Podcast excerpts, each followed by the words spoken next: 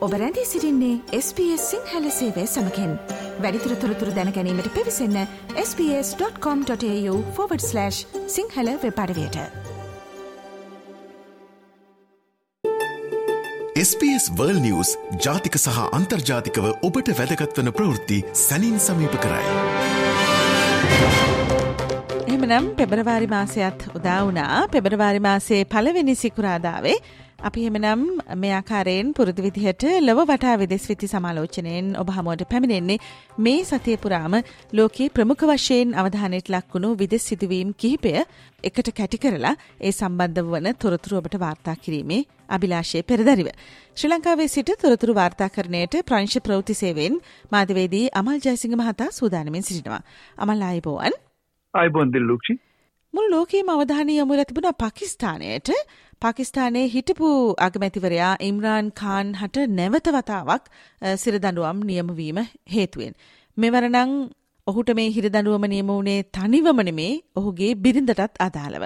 අපි දන්නවා මීට කලින් ඉම්රාන් ખાන්ට මේ ආකාරයෙන් චෝදනා එල්ල වෙලා සිරදඬුවම් නියම වෙලා තිබුණා රාජ්‍ය රහස් හෙළිකිරීම කියන චෝදනාව මූලික කරගෙන මෙවර දූෂණ චෝදනා මූලික කරගෙනයි මේ සිරදඬුවම් නියම වෙන්නේ. අපි සවිස්තර තොරතුරු දැනගන්න කැමතියි අමල්.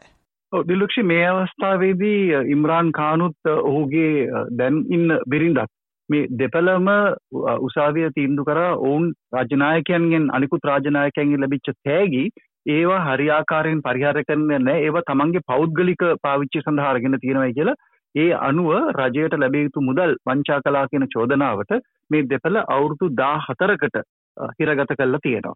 මෙතනදී එක විශේෂත්වයක් තමයි ඉම්රාන් කාන් හිරගෙදර ඉන්න අතරතුරේ ඔහුගේ බිරින්දට තමා ඉන්න නිවසේම හිරගයක් හැටියට පාවිච්චි කළ එහෙම නැත්නම් මේ නිවාස අඩස්සියේ පසුවන්නට ඇයට අවකාශය ලබා දීලා තියෙනවා. ඒ අනුව ඉම්රාන් ખાන්ගේ නිවස මේ වෙනකොට පාකිස්තානයේ ලයිස්තු ගත රැඳවුම් මධ්‍යස්ථානයක් හැටියට හඳුන්වලා දීලා ඉම්රාන් ખાන්ගේ බිරිඳ වන බුෂ්රා බිබි කියන කාන්තාවට ලබා දීලා තියෙන අවුරුදු 14ක හිර දඬුවම නිවාස අඩස්සිය ගෙවන්නට ඇයට අවස්ථාව ලබා දීලා තියෙනවා. අමල් දැන් පාකිස්තානයේ දේශපාලනය පිළිබඳව කතා බහ කරද්දි මේ එළඹෙන සතියේ සුවිශේෂී සතියක්.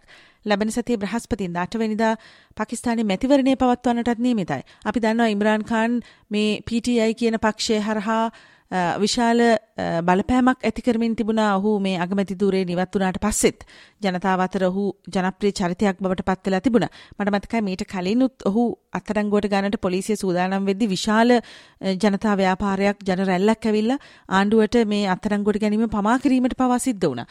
හැබැයි මේ ලබන බ්‍රහස්පතින්දා එළඹෙන මැතිවරණයේදී දැන් ඉම්රාන් ખાන් සිරදනුවම් විඳමින් සිටින පුද්ගලයෙක් බවට පත්වන හින්දා ඔහුගේ අනාගත දේශපාලනය කොයි වගේ වේවිද? එතකොට ඔහු නියෝජනය කරන මේ PTI පක්ෂයට මොකක්ද වෙන්නේ? මොනවද ඒ පිළිබඳව වාර්තා වන්නේ? දිලුක්ෂි මේ අධිකරණ තීන්දුවල ප්‍රධානම දේ තමයි සිරදඬුවමට අමතරව ඉම්රාන් ખાන්ට මේ පෙබරවාරි 8 වෙනිදා තියෙන මැතිවරණයට මුහුණ දෙන්නට අවස්ථාව ලැබෙන්නේ නැහැ. ඔහු මේ මැතිවරණයෙන් මැතිවරණයේ අපේක්ෂක වීමට බලාපොරොත්තු වුණන් ඔහුට ඒ අවස්ථාව අහිමි වෙනවා. ඒ එකම ඔහුගේ පක්ෂයේ ක්‍රියාකාරීන් මේ වෙනකොට දහස් ගණනක් ඔවුන්ව අත්අඩංගුවට අරගෙන ඔවුන්ට එරෙහිව නඩු පවරලා තියෙනවා. ඉතින් මේ තරක් ඒ ඉන්සාෆ් එහෙම නැත්නම් PTI කියන ඉම්රාන් ખાන්ගේ පක්ෂයට ඡන්ද කටයුතු කරන්නට හරියාකාරයෙන් ඒ ඡන්ද ව්‍යාපාරය ඉදිරියට ගෙන යන්නට අවස්ථාවක් ලැබුණේ නැහැ. ඉතින් මේව සලකලා බලනකොට ඔහුගේ පක්ෂය මේ ඉදිරි මැතිවරණයේදී ඔවුන්ට තරම් සාර්ථකව ඒකට මුහුණ දෙන්න පුළුවන් කියලා හිතන්න අමාරුයි. දැනට පාකිස්තානෙන් ලැබෙන වාර්තා අනුව විපක්ෂයේ නවාස් ෂෙරීෆ්ගේ පක්ෂයට මීට කලින් අග්‍රාමාත්‍යවරයා හැටියට හිටිය නවාස් ෂෙරීෆ්ගේ පක්ෂයට ජයග්‍රහණය කිරීමේ වැඩි ප්‍රවණතාවයක් හිමි වුණයි කියලා වාර්තා වෙන. ඉතින් ඒ අනුව ඉම්රාන් කාන්ට සහ ඔහුගේ පක්ෂයට නැවත පාකිස්තානයේ ප්‍රබල ස්ථානයක් ලබා ගැනීමට තිබිච්ච අවස්ථාව අහිමි වුණා කියන එක තමයි මේ වෙනකොට පාකිස්තානෙන් වාර්තා වෙන්නේ.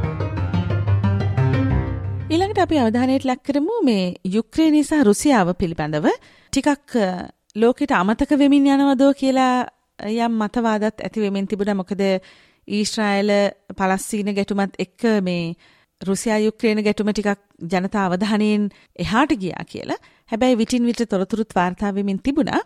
යුක්‍රේනයත් රුසියාවත් තුන්වන පාර්ශවයක මැදිහත් වීමකින් සිරකරුවන් හුමාරු කිරීම සිදු කරගත්තා මේ සතියේදී. ඒ පිළිබඳවත් ලෝකයේ විශාල අවධානයක් තිබුණ. අමල් දැන් දෙරටේ මේ පිළිබඳව තිබුණු සහයෝගීත්වය එතකොට කොපමණ ප්‍රමාණයක් සිරකරුවෝ දෙගොල්ලොම හුමාර් කරගෙන තියෙනවද? ඊට පස්සේ එහෙමනම් මේ තුන්වන පාර්ශවයේ මැදිහත්වීමෙන් මොන වගේ ක්‍රියාදාම සිදුවන්නට නියමිතයිද? කොහොමද ඒ පිළිබඳව අපිට වාර්තාවන තොරතුරු? දිලුක්ෂ දැන් ගිය සතියේත් මේ වගේම සිරකරුවන් හුවමාරු කරගැනීමේ වැඩපිළිවෙලක් ඔවුන් යොදාගෙන තිබුණා. නමුත් ඒක අසාර්ථක වුණා. යුක්‍රේනය එල්ල කරපු ප්‍රහාරයකින් රුසියානු ගුවන්යානයක් කඩා වැටනයි කියලා වාර්තා වුණා ඒ ගුවන්යානේ යුක්‍රේන් පුරවැසියන් ප්‍රමාණයක් මේ සිරකරුවන් හුවමාරු කර ගැනීමේ වැඩපිළිවෙල යටතේ යුක්‍රේන් පුරවැසියන් තමයි මේ ගුවන්යානේ ගමන් ගමන් කළේ කියලා රුසියාව ප්‍රකාශ කළා. ඉතින් ඒකත් එක්කලා මේ දෙපාර්ශය විසින් සිරකරුවන් හුවමාරු කර ගැනීමේ වැඩපිළිවෙල තාවකාලිකව අත්හිට උඩ ලැබුවා. නමුත් නැවතත් මේ කාරණය ඇති කරලා දැන් මේ සතිය වෙනකොට දෙපාර්ශවයේ විසින්ම හාරසියකට වැඩි සිරකරුවන් ප්‍රමාණයක් හුමාරු කරගන්නට කටයුතු කළ තිබුණ විශෂයෙන් රුසියාව සඳහන් කරා ඔවුන්ගේ හමුදා ශබලුන් එකසි අනූ පහක් මේ විදිහට යුක්්‍රේණින් නිදහස් කරයි කියලා. ඒකම ဇ ෙලෙන්ස්කි යුක්්‍රේන් ජනාධිපතිවරය සඳහන් කරා.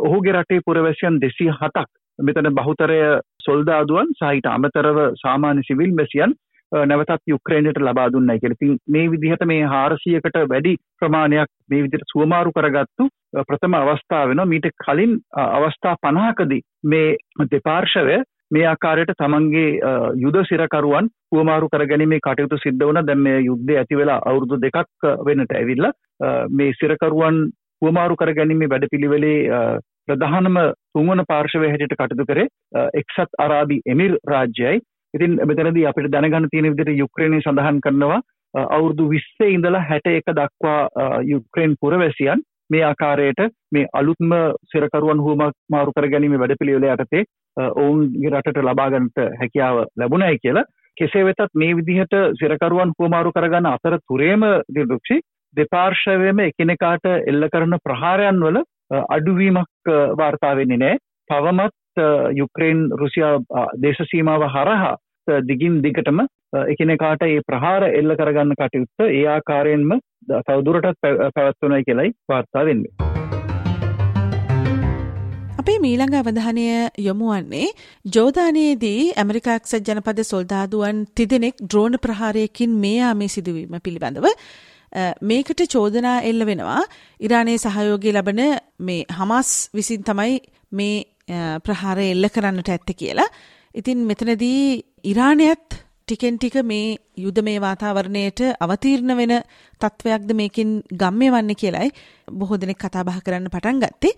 මේ සිදුවීම හරහා මොන වගේ යුදමය වාතාවරණයක් සහ ඉරානයේ මැදිහත්වීමක්ද අපිට වාර්තාවන්නේ මේ යුද්ධය පිළිබඳව කතා බහ කරද්දී. දිල්ලුක්ෂි මේක ප්‍රථම අවස්ථාව නෙමෙයි මේ ඉරානයට සම්බන්ධකමක් තියෙන අන්තවාදීන් විසින් ඇමරිකානු හමුදාවන් ඉලක්ක කරගෙන ප්‍රහාර ඇති කරලා තියෙන්නේ විශේෂයෙන්ම ඉරාකේ සහ සිරියාව තුල සිටින ඇමරිකානු හමුදාවන්ට එරෙහිව දිනපතාම වාගේ ප්‍රහාර එල්ල වෙලා තියෙනවා ඒවා ව්‍යාර්ථ කරන්නට ඇමරිකානු හමුදාව සමත් වෙලා තියෙනවා.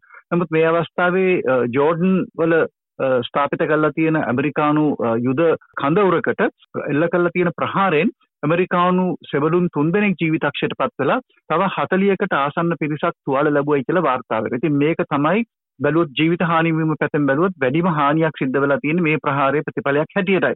මේ කාරණාව සම්බන්ධ වෙලා තියෙන්නේ ඉරානයෙන් සහය ලබන ඉස්ලාමී අන්තවාදී කණ්ඩායම් කියලා මේ වෙනකොට දවල මන්දිරය චෝදනා එල්ල කරලා තියෙනවා. ඉතින් ඔවුන් සඳහන් කරන්නේ දැන් මේ වෙනකොට ඇමරිකාව ප්‍රමුඛ බටහිර රටවල් රතු මුහුද ආශ්‍රිතව යේමනී හූදි කැරලිකරුවන් එල්ල කරන ප්‍රහාරවලට ප්‍රතිප්‍රහාර එල්ල කිරීමටත් ඒවා ව්‍යර්ථ කරන්නටත් ඇමරිකාව ප්‍රමුඛ බටහිර රටවල් වැඩපිළිවෙලක් දියත් කරලා තියෙන අතරතුරින් තමයි මේ විදිහට ඇමරිකානු හමුදාවලට මේ ඉරානයට පක්ෂපාතී කණ්ඩායම් ප්‍රහාර එල්ල කරන පටන් අරන් තියෙන්නේ. ඉතින් හූති කණ්ඩායම් සඳහන් කරලා තිබෙන්නේ ඔවුන් මේ රතු මුහුදේ ගමන් කරන විශේෂයෙන්ම ඇමරිකාව හෝ අනිකුත් බටහිර රටවල් වලට සම්බන්ධයක් තියෙන නාවික යාත්‍රාවලට ඒ ප්‍රහාර එල්ල කරන්නේ ඊස්ට්‍රායිලයේ විසින් ගාසා තීරයේ සාමාන්‍ය වැසියන්ට කරන ප්‍රහාරවලට ප්‍රති උත්තරයක් එහෙම නැත්නම් එකට එක කිරීමක් හැටියට කියලා. ඉතින් මෙතනදී ගාසා ප්‍රදේශයේ ඇති වෙලා තියෙන යුදමය තත්ත්වයේදී ඇමරිකාව ඊස්ට්‍රායිලයට සහාය දක්වන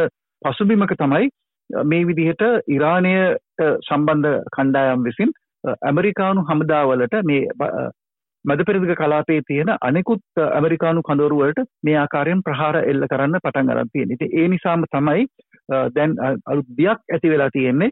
මේ ගාසා තීරයට සීමා වෙච්ච ඊශ්‍රායල් ඊශ්‍රායල් පලස්තීන යුද්ධය කලාපේ අනෙකුත් රටවල් වලට ව්‍යාප්ත වෙන්න පුළුවන් කියලා. විශේෂයෙන්ම මේ ඇමරිකානු හමුදා කඳවුරුවලට අනෙකුත් මේ කලාපේ අනෙකුත් රටවල තියෙන ඇමරිකානු හමුදා කඳවුරුවලට මේ ආකාරයෙන් ප්‍රහාර එල්ල කිරීම මේ යුද්ධය කලාපේ අනෙකුත් රටවල්ලටත් ව්‍යප්තවීමට හේතු වන්න පුළුවන් කියලා බොහෝ දෙනෙක් මේ වෙනකොට ඒ දිය පල කල්ලා තියෙනවා.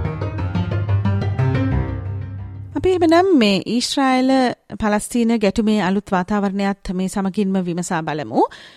අපිට පසුගිය සතිය වෙනකොට ආරංචි ලැබුණ විශේෂයෙන්ම අමල් මේ ප්‍රංශය යම් මැදිහත්වීමක් තුන්වන පාර්ශවයක් විදිහට යම් මැදිහත්වීමක් සිදු කරන්න සූදානම් කියලා මේ දෙපාර්ශවය අතර සටන් විරාමයක් ඇති කරන්න. එතනදී යම් යෝජනාවකුත් තිබුණා සති 6ක වගේ දීර්ඝකාලීන සටන් විරාමයක් සඳහා එකඟතාව දෙපාර්ශවයෙන්ම ඇති කරගන්න.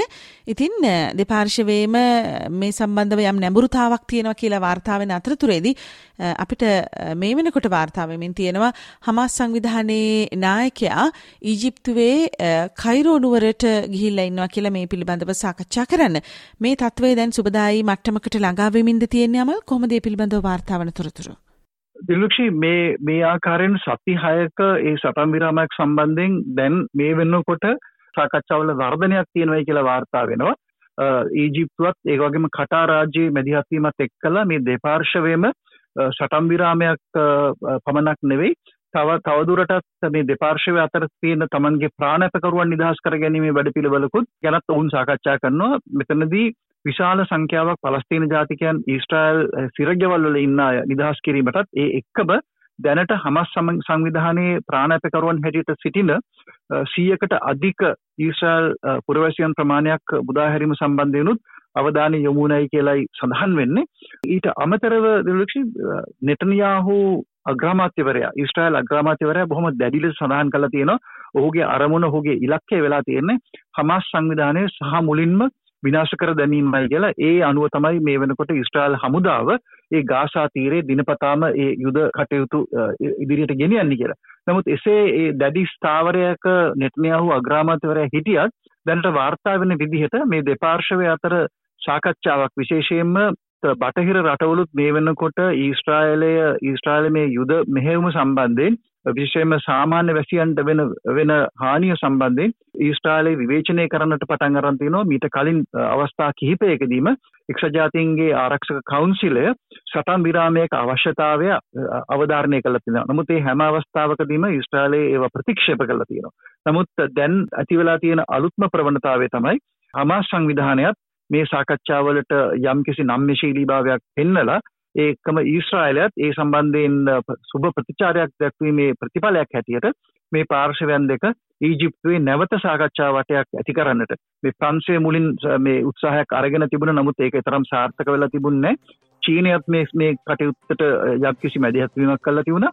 දැන් අලුත්ම උත්සාහය කටා රාජ්‍යත් සහ ඊජිප්තුවත් මැදිහත් වෙලා මේ කටයුත්ත යම් සුබදායි තැනකට කියන්නේ සටන් විරාමයක් දක්වා ගෙන යනට පුළුවන් කියන ඒ අලුත් විශ්වාසයක් නැවත ඇති වෙලා තියෙනවා. හොඳයි අපි එමනම් අවධානයට ලක් කළේ මේ ගෙවිල යන සතියේ ලෝකේ පුරාම වාර්තාවන ප්‍රමුඛතම සිදුවීම් කිහිපය පිළිබඳවයි. තොරතුරු වාර්තාකරණයට අපිත් එක්ක සම්බන්ධ වුණු මාධවේදී අමල් ජයසිංහට අපි ස්තුතිවන්ත වෙනවා. අමල් එහෙමනම් ආයිබෝවන් අපි ලබන සිකුරාදා යළිත් හමුවෙනවා. ආයිබෝවන් දිරුචි.